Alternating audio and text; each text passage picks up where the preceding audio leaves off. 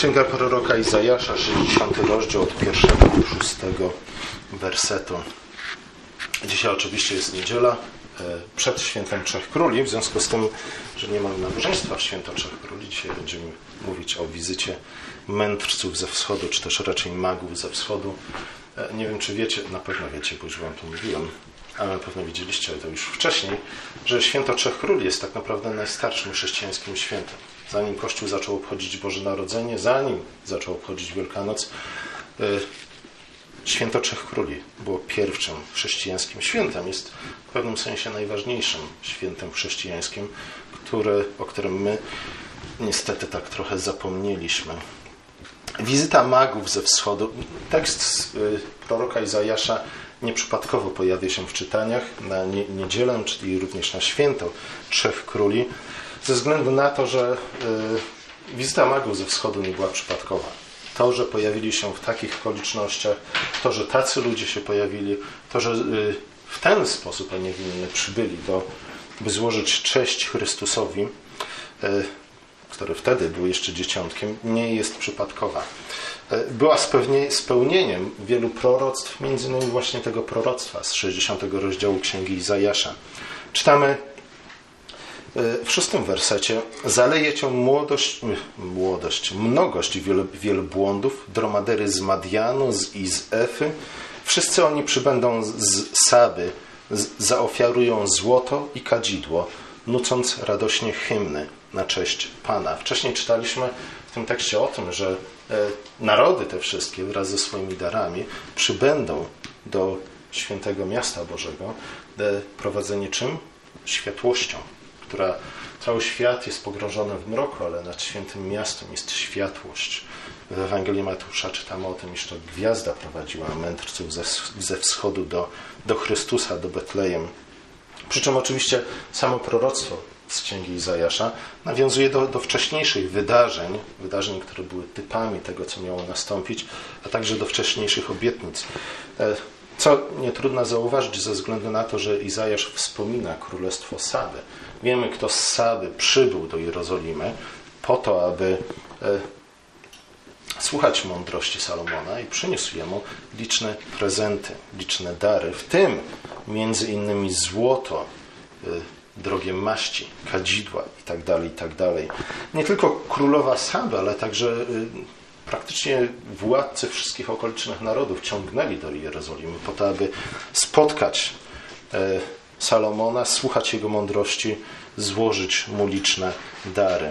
To z kolei było oczywiście wypełnieniem, niepełnym, częściowym, ale jednak wypełnieniem obietnicy danej Abrahamowi, iż to w jego potomstwie będą, błogosławi, będą błogosławione wszystkie narody, wszystkie narody, które upadły u stóp wieży Babel, w Abrahamie zostaną błogosławione. Wszyscy, wszystkie narody przybędą do Abrahama pod, w poszukiwaniu błogosławieństwa.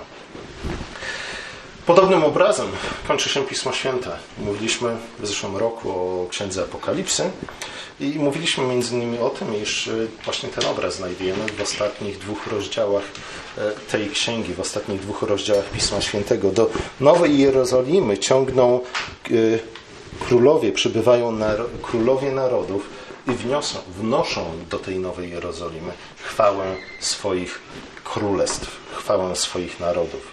Nie? A zatem E, to, co dzieje się w Betlejem, wizyta trzech mędrców, trzech magów nie jest przypadkowa, jest spełnieniem wcześniejszych obietnic, ale też jest zapowiedzią tego, co jeszcze wydarzy się w historii świata, zwłaszcza w historii zbawienia. Królowa Saby, magowie ze wschodu, inni goście, którzy przybyli do Jerozolimy i nie tylko do, do Jerozolimy, oczywiście jako miasto święte jest symbolem ludu Bożego, Kościoła. E, wszyscy oni przynosili z sobą drogocenne kruszce, kamienie, maści, kadzidła. Ciekawe jest to, że, że e, większość z tych materiałów pojawia się ponownie w opisie Nowej Jerozolimy. Czytamy o tym, iż e, jej ulice są wybrukowane złotem, jej bramy są zrobione z pereł, jej budynki są przyozdobione kamieniami szlachetnymi.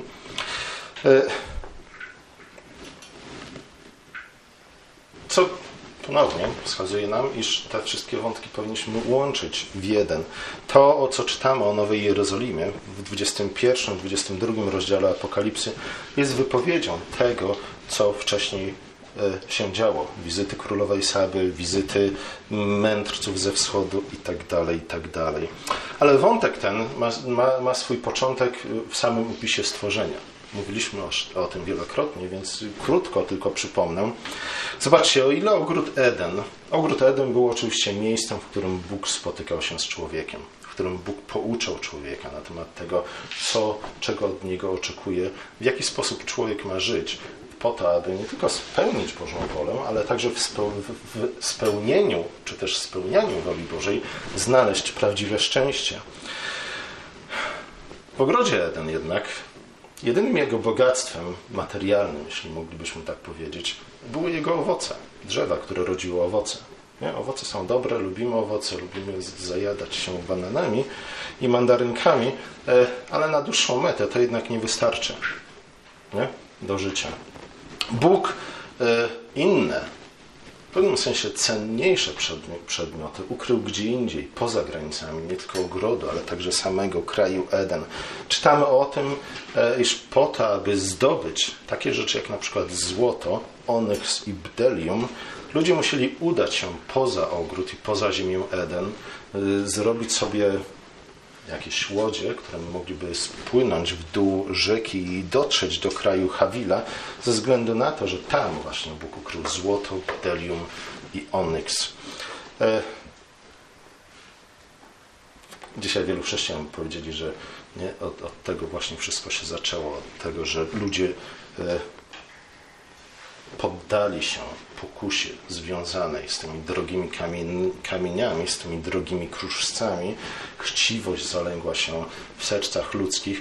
Niestety podążyli za tymi pokusami. Problem jednak polega na tym, iż Pismo Święte stwierdza, iż złoto, które Bóg ukrył w ziemi Hawila, było dobre. Pierwszy raz w opisie y, świata po stworzeniu y, słowo dobre pojawia się właśnie połączeniu ze złotem z kraju Hawila. Najpierw czytamy o tym, iż każdego dnia, kiedy Bóg tworzył kolejne rzeczy, e, gdy oceniał swoją pracę, stwierdzał, że to było dobre, to było dobre. Tak przez sześć, pięć razy w zasadzie, nie? A szóstego dnia wieczorem stwierdził, iż to, co uczynił, było bardzo dobre. Później pierwszy raz o tym, że coś jest dobre, czytamy właśnie w tym kontekście. Złota z kraju Hawila. Było ono dobre. Nie? Zatem Bóg umieścił je w kraju Hawila po to, aby ludzie udali się po to złoto i coś z nim zrobili. E, żeby skrócić to trochę, e, chodziło o stworzenie pewnej interakcji, zachęcenie ludzi do interakcji pomiędzy ogrodem Eden a pozostałymi krainami. Nie? Bóg zresztą od samego początku chciał, aby człowiek się nie tylko rozmnażał, ale też zapełniał całą ziemię i czynił ją sobie poddaną.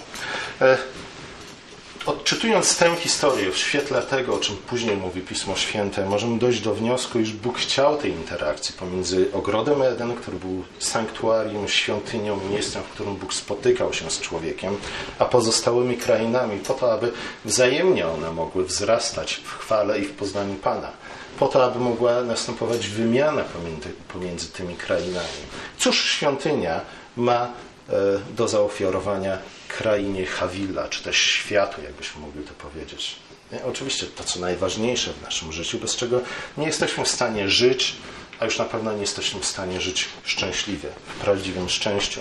Ma do zaofiarowania te trzy dary, które, którym Bóg obdarowuje nas za każdym razem, gdy zbieramy się na nabożeństwie. A zatem chwałą, mądrością i prawdziwym życiem, pełnią życia. Ale tak jak istnieje interakcja między tym, co robimy w niedzielę na nabożeństwie, a tym, co robimy przez pozostałą część tygodnia, e, ta interakcja jest wpisana w geografię, o której czytamy w drugim rozdziale Pisma Świętego. Nie? Z jednej strony ogród Eden, z tym, co moglibyśmy nazwać dobrami duchowymi, a z drugiej strony kraj Hawila i pozostałe krainy, z tym, co moglibyśmy nazwać dobrami materialnymi. W jaki sposób te dobra materialne, złoto z kraju Hawila mogło ubogacić ogród Eden. No oczywiście później czytamy o tym, iż zarówno do budowy przybytku przez Mojżesza, jak i świątyni przez Salomona e, Bóg kazał użyć swojemu ludowi złoto. I to bardzo, bardzo, bardzo dużo złota. Złoto miało przyozdobić ogród Eden, miało przyozdobić sanktuarium, miało przyozdobić miejsce, w którym Bóg spotyka się ze swoim ludem. Myśmy już stracili coś z tej estetyki. Nie? E, gdy udamy się do, do kościołów, e, zwłaszcza prawosławnych, nie? tam wszystko kapie złotem. Jest to nawiązanie oczywiście do, do, do tego, w jaki sposób wyglądał zarówno przybytek, jak i świątynia, jak i do tego, jak miał wyglądać ogród Eden, gdyby Adam nie upadł. E, dla nas złote ozdoby są czymś wstydliwym. E, jeśli zwłaszcza jakiś mężczyzna kupi sobie złoty zegarek, to patrzymy na niego z politowaniem. E, słusznie czy też niesłusznie, my nie czujemy tego. Nie? Jak można było powiedzieć, czar złota uduchowiliśmy. Nie? Ze względu na to, że wciąż nęci nas wartość złota, a my za bardzo lubimy się obnosić z tym złotem. Dlatego, że jak się mówi trochę niezbyt ładnie, e, przynosi to nam obciach. E, ale tak nie było od początku. Złoto w Piśmie Świętym od samego początku jest nie tylko drogim kruszcem, który przedstawia jakąś obiektywną wartość, przy pomocy którego jesteśmy w stanie zrobić dużo dobrego, ale złoto w Piśmie Świętym funkcjonuje w, określony, w określonym kontekście, z określonym znaczeniem. Złoto kraju Hawila było czymś najlepszym, co można było znaleźć w kraju Hawila. I właśnie ta najlepsza część wydobyta, znaleziona i wydobyta w kraju Hawila miała, przynajmniej po części, nie? później ustanowiona przez Boga zasada dziesięciny wskazuje nam na to, nie? po części miała być użyta do tego, aby przyozdobić ogród Eden, miejsce, w którym Bóg miał spotykać się, spotykał się z człowiekiem. Nie? Widzimy interakcję między światem, a kościołem, jakbyśmy mogli powiedzieć, albo nabożeństwem, a pozostałą częścią tygodnia. Nie? W ten sposób to wygląda także na naszym nabożeństwie. E, przychodzimy na to miejsce w pierwszej kolejności po to, aby przyjąć dobre dary od Boga, ale nie przychodzimy z pustymi rękoma. Zgadza się? Przynosimy nasze ofiary, przynosimy chleb, przynosimy wino, przynosimy dobra materialne, ale także dobra duchowe, które wyprodukowaliśmy w ciągu tygodnia. To jest właśnie ta interakcja, o której mówię. Ale złoto jest wartościowe nie samo w sobie. Moglibyśmy wiele czasu spędzić na temat różnych teorii monetarystów i niemonetarystów twierdzących o to, że, złoto przedstawia wartość sama, samo w sobie, obiektywną wartość, podczas gdy pieniądz papierowy nie. Wydaje mi się, że to nie do końca jest słuszne stwierdzenie. Złoto samo, samo w sobie złoto nie przedstawia absolutnie żadnej wartości. Nie? Złoto jest wartościowe ze względu na to, że Bóg w swoim słowie stwierdził, iż e, złoto jest wartościowe. Nie? I do tej pory wszyscy tak naprawdę w to wierzymy, niezależnie od tego, czy oficjalnie wyznajemy wiarę w Boga i w Biblię, czy też nie. Ale musimy pamiętać o tym, iż e, złoto pełni w Piśmie Świętym szczególną rolę. Złoto e, dlatego pojawiło się zarówno w przybytku Mojżesza, jak i w świątyni Salomona, ze względu na to, że pełni szczególną rolę, ponieważ Bóg, Boże Słowo nadało złotu tę szczególną rolę i Bóg stworzył je w taki, a nie w inny sposób. Nie? Złoto jest przede wszystkim jakie?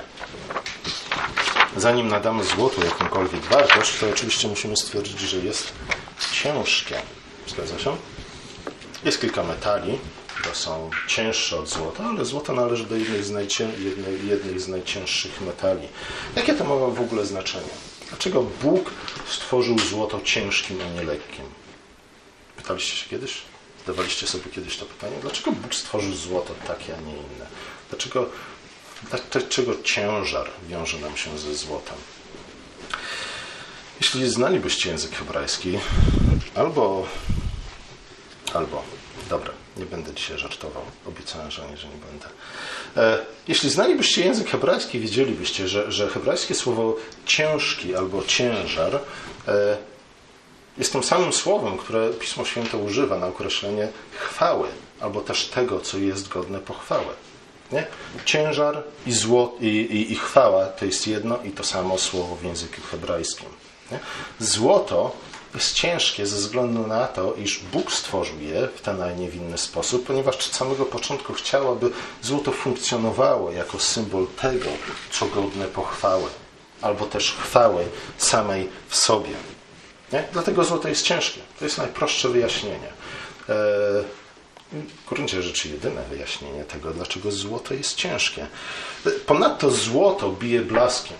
Nie samo z siebie, nie jest żarówką, nie jest ogniem, a jednak odbija światło. I właśnie ta światłość e, bijąca od złota, światłość, która nas nęci i urzeka, jest e, także przypomina nam, czy też jest symbolem, obrazem światłości bijącej z obłoku chwały, czy też od tronu Bożego. Dlatego złoto jest ciężkie i dlatego lśni po to, aby być obrazem chwały Bożej, prawdziwej chwały Bożej. A jednak, nie? Złoto jest tylko i wyłącznie obrazem, czy też symbolem chwały Bożej. Nie posiada wartości samo w sobie i nie posiada żadnej chwały samo w sobie. Nie? Posiada wartość tylko i wyłącznie ze względu na to, iż Bóg przypisał złotu wartość, przez to, że zechciał użyć złota na symbol czego? Swojej chwały. Złoto, kamienie szlachetne, bdelium, onyks, mirra, kadzidło, to wszystko są rzeczy cenne. Niemniej jednak są nie zapominajmy o tym, że są y, symbolami chwały, nie zaś samą chwałą. Są obrazami, które wskazują na coś większego, na coś ważniejszego, a przede wszystkim na, na samego Boga, źródło prawdziwej chwały. Jeśli szukamy chwały, musimy przyjść do Boga, bo tylko On może obdarzyć nas chwałą. Ci ludzie, którzy nie chcą znaleźć chwały, czy też przyjąć chwały, którą Bóg nam ofiaruje, e, szukają tej chwały gdzie indziej. Nie? Mówiliśmy o tym. Każdy z nas szuka chwały, każdy chce być doceniony, zauważony, pochwalony, nawet wtedy, gdy udaje, że wcale tak nie jest. Nie? Nawet ludzie, którzy wydają się być odludkami, ludziom, lubią spędzać e, Sylwestra na przykład e, samotnie, gdzieś zaszyci w jakiejś puszczy, co później robią, gdy wrócą z takiej wyprawy? Rzucają zdjęcia z twojej samotnej wyprawy na Facebook, nie? po to, żeby wszyscy zobaczyli. Tak to funkcjonuje. E, ale słuchajcie, nie? co robią ludzie, którzy szukają chwały nie w Bogu, ale gdzie indziej. Każdy jej szuka, każdy o nią zabiega. Nie? Nawet ten, który twierdzi, że nie. nie. Niektórzy obwieszają się złotem. Nie? Jest to najprostszy sposób, żeby zyskać chwałę, obwiesić się złotem. Zgadza się? Nie? Znów, w naszej kulturze może to nie do końca tak działa, ale w naszej kulturze można znaleźć ludzi, którzy E, którzy właśnie idą nie, na skróty i szukają tej chwały w ten najprostszy sposób. Jakiś złoty łańcuszek, jakiś złoty kolczek, jakiś złoty zegarek, jakieś złote to czy coś innego.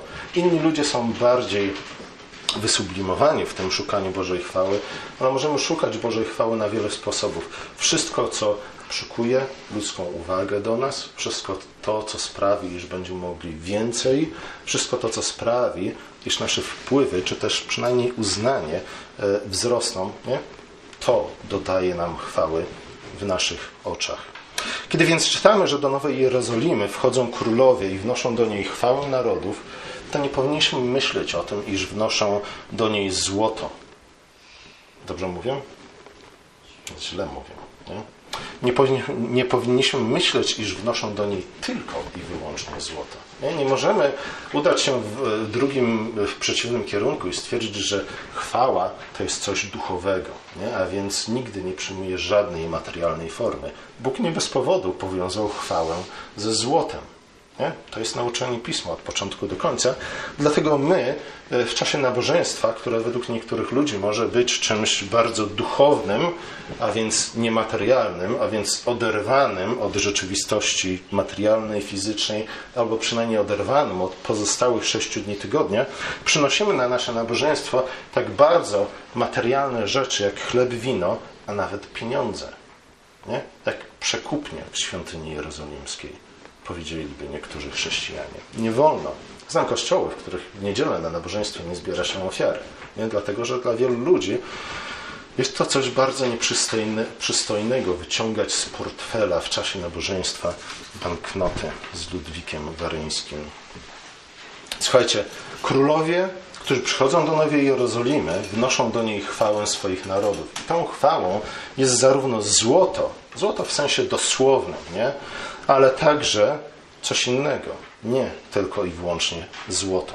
Czym zatem jest, co zatem jest tą prawdziwą chwałą narodów? Na pewno nie samo złoto, nie? albo też nie złoto w oderwaniu od innych rzeczy. Nie samo bogactwo, ze względu na to, że bogactwo, złoto, władzę, wpływy, to wszystko możemy zdobyć w zły sposób i to wszystko możemy użyć w złym celu. Nie?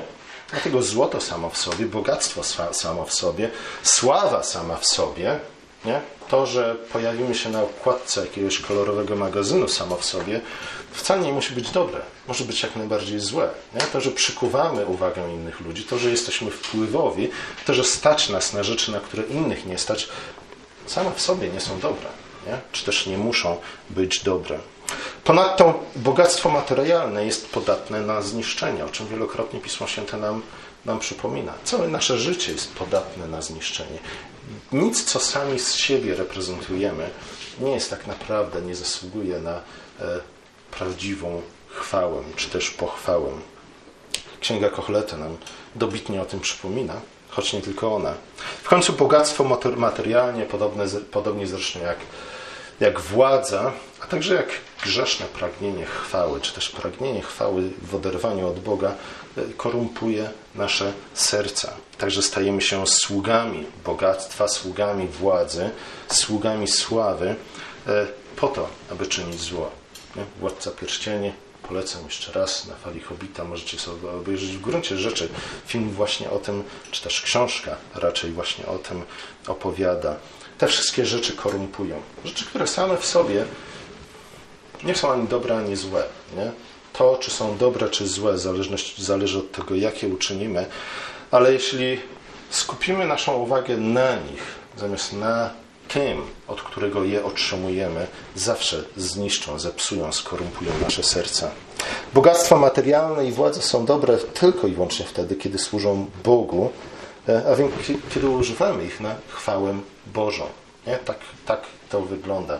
Możemy zdobyć chwałę tylko i wyłącznie szukając chwały Boga, czyniąc wszystko na Bożą chwałę, a nie na naszą chwałę.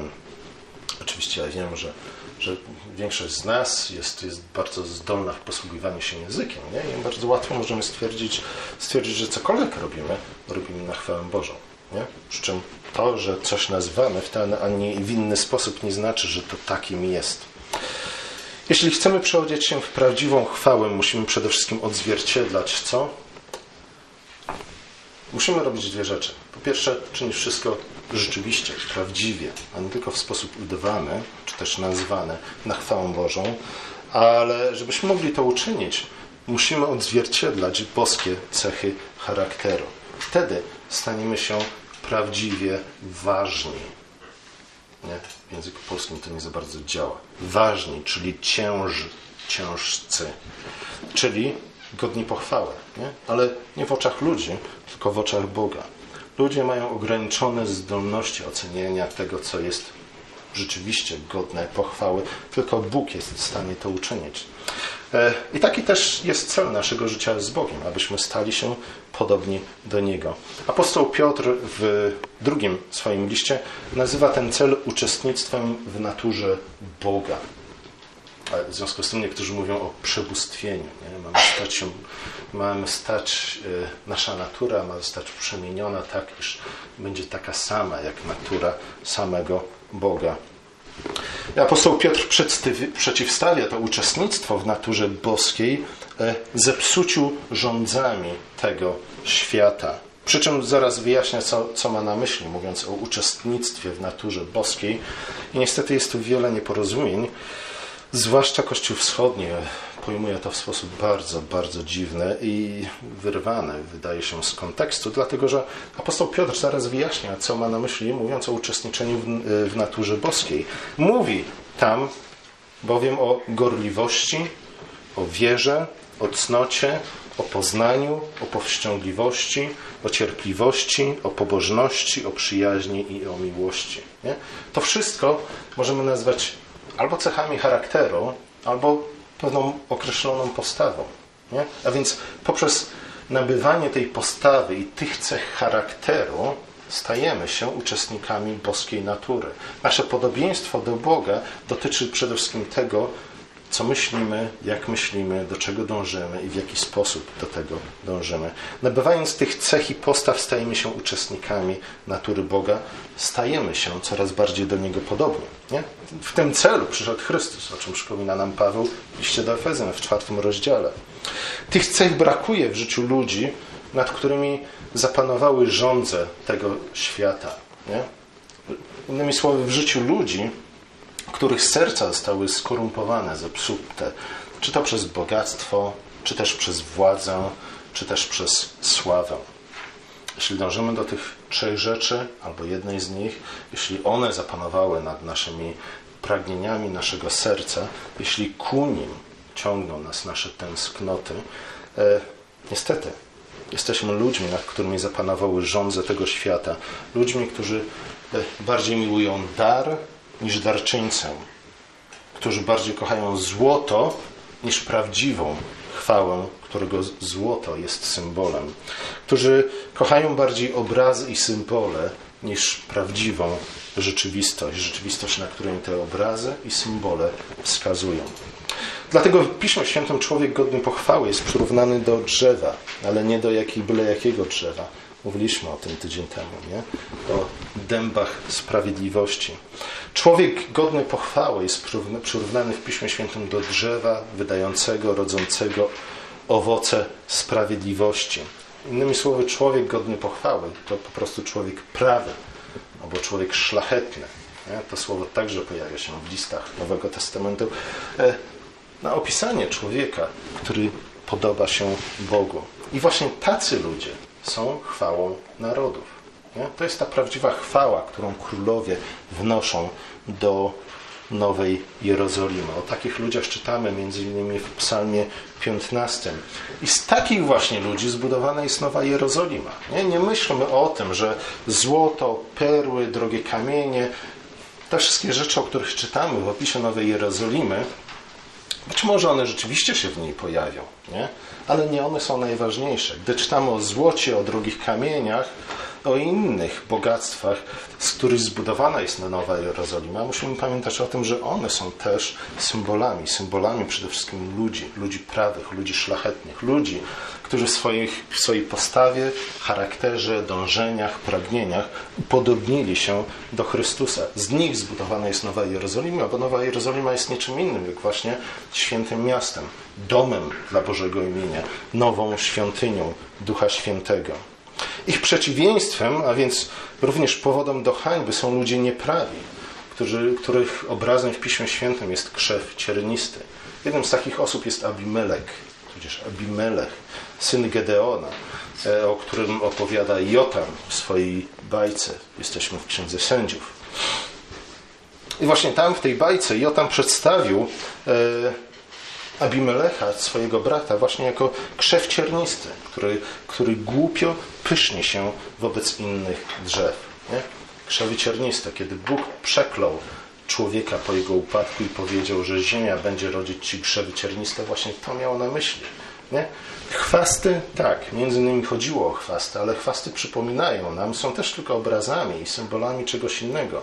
Chwasty, krzewy cierniste, to wszystko, co nieużyteczne, co psuje ziemię, zamiast czynić ją urodzajną, jest obrazem ludzi, ludzi nikczemnych, ludzi upadłych, ludzi zbuntowanych e, przeciwko Bogu, ludzi, którzy szukają uznania u ludzi innych, a nie u Boga i którzy dążą do chwały, ale nie do chwały, którą może dać im ich Stwórca. Tacy ludzie, a zwłaszcza tacy królowie, lubią nurzać się w cudzej chwale, lubią korzystać z cudzego majątku, lubią rozporządzać cudzym losem, z losem. Oczywiście zwykle to wszystko dzieje się pod pozorem tzw. Tak celów wyższych albo też dobra wspólnego. Nie?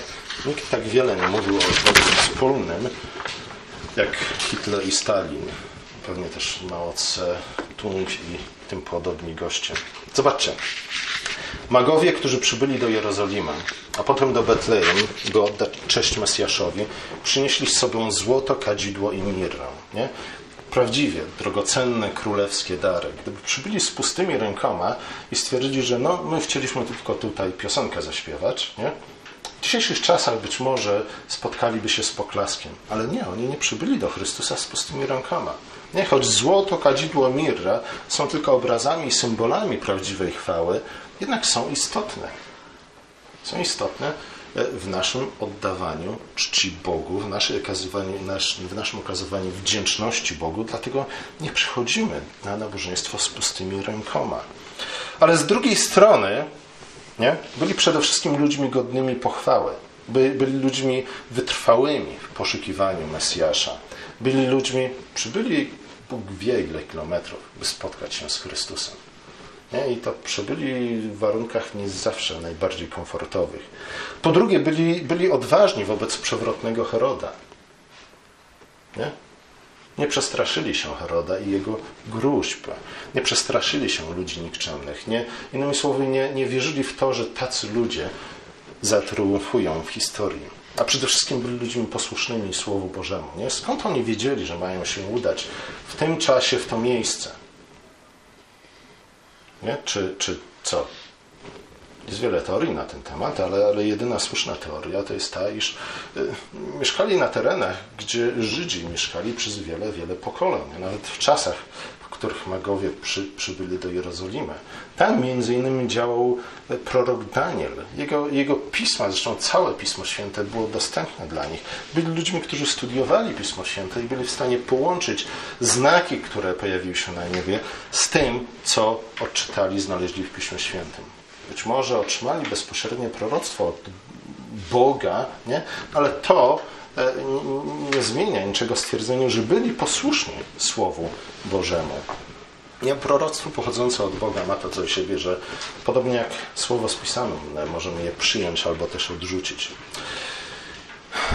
O co chodzi? Chodzi o to, że ich złoto, ich kadzidło i ich mirra, które były drogocennymi królewskimi darami, byłyby, czy też stałyby się jak kolczyk w ryju świni, jak mówi Pismo Święte, król Salomon dokładnie, gdyby nie towarzyszyły im te, a nie inne cechy charakteru. Nie? Gdyby nie, nie towarzyszyło im to, co może, moglibyśmy nazwać szlachetnością, czy też dzielnością charakteru i postawy.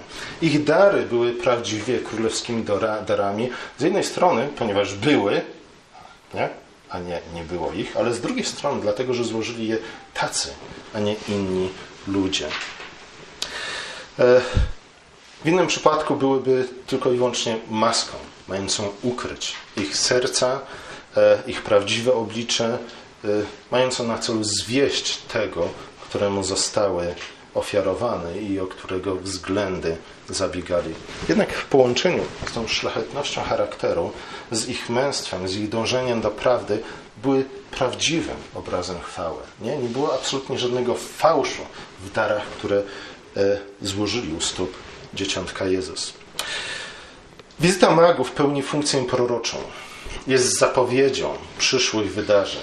Nie, nie myślmy, że e, wizyta magów była spełnieniem proroctwa z 60 rozdziału Księgi Zajasza i na tym historia się kończy. Nie, ze względu na to, że ta wizyta jest spełnieniem proroctwa z Księgi Zajasza, ale też jest zapowiedzią tego, co powinniśmy oczekiwać później w historii, w przyszłości. Innymi słowy, e, przedstawia bardzo pozytywny obraz przyszłości, czy też historii świata, jak moglibyśmy powiedzieć.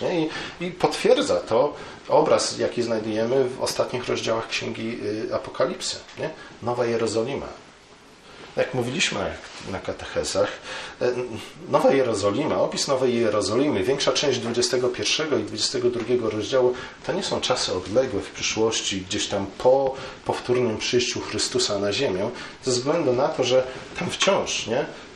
w czasach o których mówią te dwa rozdziały, nie? w czasach, gdy funkcjonuje już Nowa Jerozolima, wciąż odbywa się ewangelizacja, są, wciąż bramy tego świętego miasta są otwarte, wciąż ludzie i narody są zachęcani do tego, aby przyszli do Niego, weszli do Niego, napili się wody z rzeki żywej i zjedli owoce z drzewa życia. Nie? A zatem to nie są te czasy po powtórnym przyjściu Chrystusa, to są czasy, w których my żyjemy, w których my uczestniczymy.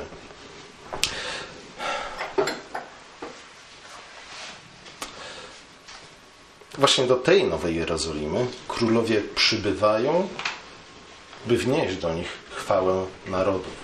I wiemy, że chwała, którą ci królowie, o których czytaje, czytamy w kontekście Nowej Jerozolimy, jest chwałą prawdziwą. Skąd to wiemy? Nie jest chwałą udawaną. Jest chwałą taką, jaką złożyli magowie, gdy przybyli do dzieciątka Jezus. Wiemy to stąd, iż w Nowej Jerozolimie, jak mówi święty Jan, nic nie może do Nowej Jerozolimy nie wejdzie nic nieczystego, ani ten, co popełnia ohydę i kłamstwo. Z tych słów wiemy, że królowie, którzy przybywają do, do Nowej Jerozolimy po to, aby wnieść do niej chwałę swoich narodów, są ludźmi podobnymi do magów. Ich dary są prawdziwymi, szczerymi darami, prawdziwymi obrazami prawdziwej chwały. Nie? Są ludźmi szczerymi, są ludźmi szlachetnymi, są ludźmi sprawiedliwymi, są jak te dęby sprawiedliwości i chwała swoich narodów, swoich królestw, którą, którą wnoszą, jest prawdziwą chwałą. Innymi słowy, narody, które oni reprezentują, są, są narodami, które składają się z ludźmi, których można nazwać dębami sprawiedliwości, ludźmi prawymi, ludźmi szlachetnymi, ludźmi, w których nie ma żadnej obłudy, kłamstwa ani ohydy. Nie? To oznacza, że zobaczcie, może nie teraz, może nie jeszcze, może tego nie zauważamy. Oczywiście, gdyby zapytać przedstawiciela różnych narodów, nie? czy jesteście narodem godnym pochwały, czy raczej jesteście takim mierniakiem albo w ogóle jakimś gdzieś tam na końcu szeregu, to oczywiście każdy powie, no może nie jesteśmy najbiedniejsi, może nie jesteśmy najwięksi, eh, może nie wygrywamy zawsze mundialu, ale zawsze gdzieś tam ktoś coś znajdzie, nie? Historii, czy też teraźniejszości jakiegoś narodu, czym mógłby się pochwalić, nie? Czym my jako Polacy moglibyśmy się pochwalić? Batorym. O, Jagiełło jest lepszy, nie? Albo kto? Kazimierz Wielki. Chrobry jest najlepszy. Nie? Bo Chrobry, za czasów Chrobrego to gdzieś prawie od Berlina do Kijowa żeśmy panowali. Nie? E, Im, Im, dalej w przeszłość się udamy, tym co, łatwiej znaleźć do, do, chwały i dumy. E, ale słuchajcie, nie, nie, może, może jest tym coś pra, z prawdziwej chwały, ale znów warunkiem tego, aby jakiś naród był prawdziwie godny chwały, jest to, nie? żeby ludzie, z którego ten naród się składa, byli dębami sprawiedliwości. Ale z drugiej strony, zobaczcie, Pismo Święte zapowiada, że właśnie to się wydarzy. Nie? Przed końcem świata. Że rzeczywiście takimi staną się narody tego świata. I rzeczywiście, gdy ich królowie przybędą do Nowej Jerozolimy, by złożyć Chrystusowi zasiadającemu na tronie e, dary, będą to prawdziwe dary, nie, nie udawane, nie maska, e, nie mające ukryć coś, ale objawiające prawdziwie, jako obrazy, prawdziwą chwałę tych, których reprezentują. Nie? Zobaczmy, że, że w gruncie rzeczy e, potwierdzają, potwierdza to, potwierdzają to liczne teksty Pisma Świętego, na przykład Wielkie Posłannictwo, nie? końcówka Ewangelii Mateusza, gdzie Chrystus poleca Kościołowi rolę wychowawców narodu. To znaczy, że Kościół, mimo wszystkich swoich słabości, upadków i niedomagań, e, wypełni tę rolę. Wypełni ją, bo musi wypełnić, ponieważ jest niczym innym, jak ciałem samego Chrystusa. Zatem powinniśmy oczekiwać historii spełnienia obietnicy danej Abrahamowi, że w nim będą błogosławione wszystkie narody. E, musimy pamiętać o tym, że, że Nowa Jerozolima, o której czytamy e, pod koniec Pisma Świętego, e, opisuje rzeczywistość czasów obecnych, przed tym, co nazywamy końcem świata. Nie? To pozwala nam patrzeć w przyszłość w sposób dość optymistyczny, co niekoniecznie znaczy, że każdy kolejny dzień był, będzie lepszy od poprzedniego. Ale przede wszystkim pamiętajmy o tym, nie? że e, czym jest prawdziwa chwała. Nie? nie garćmy obrazami chwały, które Bóg umieścił w świecie, w którym żyjemy, ale z drugiej strony niech one zawsze będą przypomnieniem, pozostaną dla nas obrazami i niczym więcej. Nie? Drogowskazami, wskazującymi na prawdziwą rzeczywistość, na coś, co, do czego powinniśmy dążyć każdego naszego dnia. Pomódlmy się. Nasz drogi łaskawy Ojcze, dziękujemy Ci za E, tych mędrców, magów, którzy przybyli do, do Betlejem e, po to, by złożyć cześć nowonarodzonemu Mesjaszowi. Dziękujemy Ci za dary, jakie z sobą przynieśli i dziękujemy przede wszystkim za, za szczere serca, i, e, z którymi złożyli te dary wdzięczności i hołd Tobie w Twoim Synu, Jezusie Chrystusie. Prosimy Cię, Ojcze, o to, abyśmy byli podobnymi do nich. Prosimy Cię o to, abyśmy e, we wszystkim oddawali cześć e, i przydawali Tobie chwały we wszystkim, co czynimy. Jednocześnie rozpoznajemy, że jesteśmy w stanie to uczynić tylko i wyłącznie ze względu na to, że Ty sam wpierw obdarzyłeś nas Twoją prawdziwą chwałą. Amen.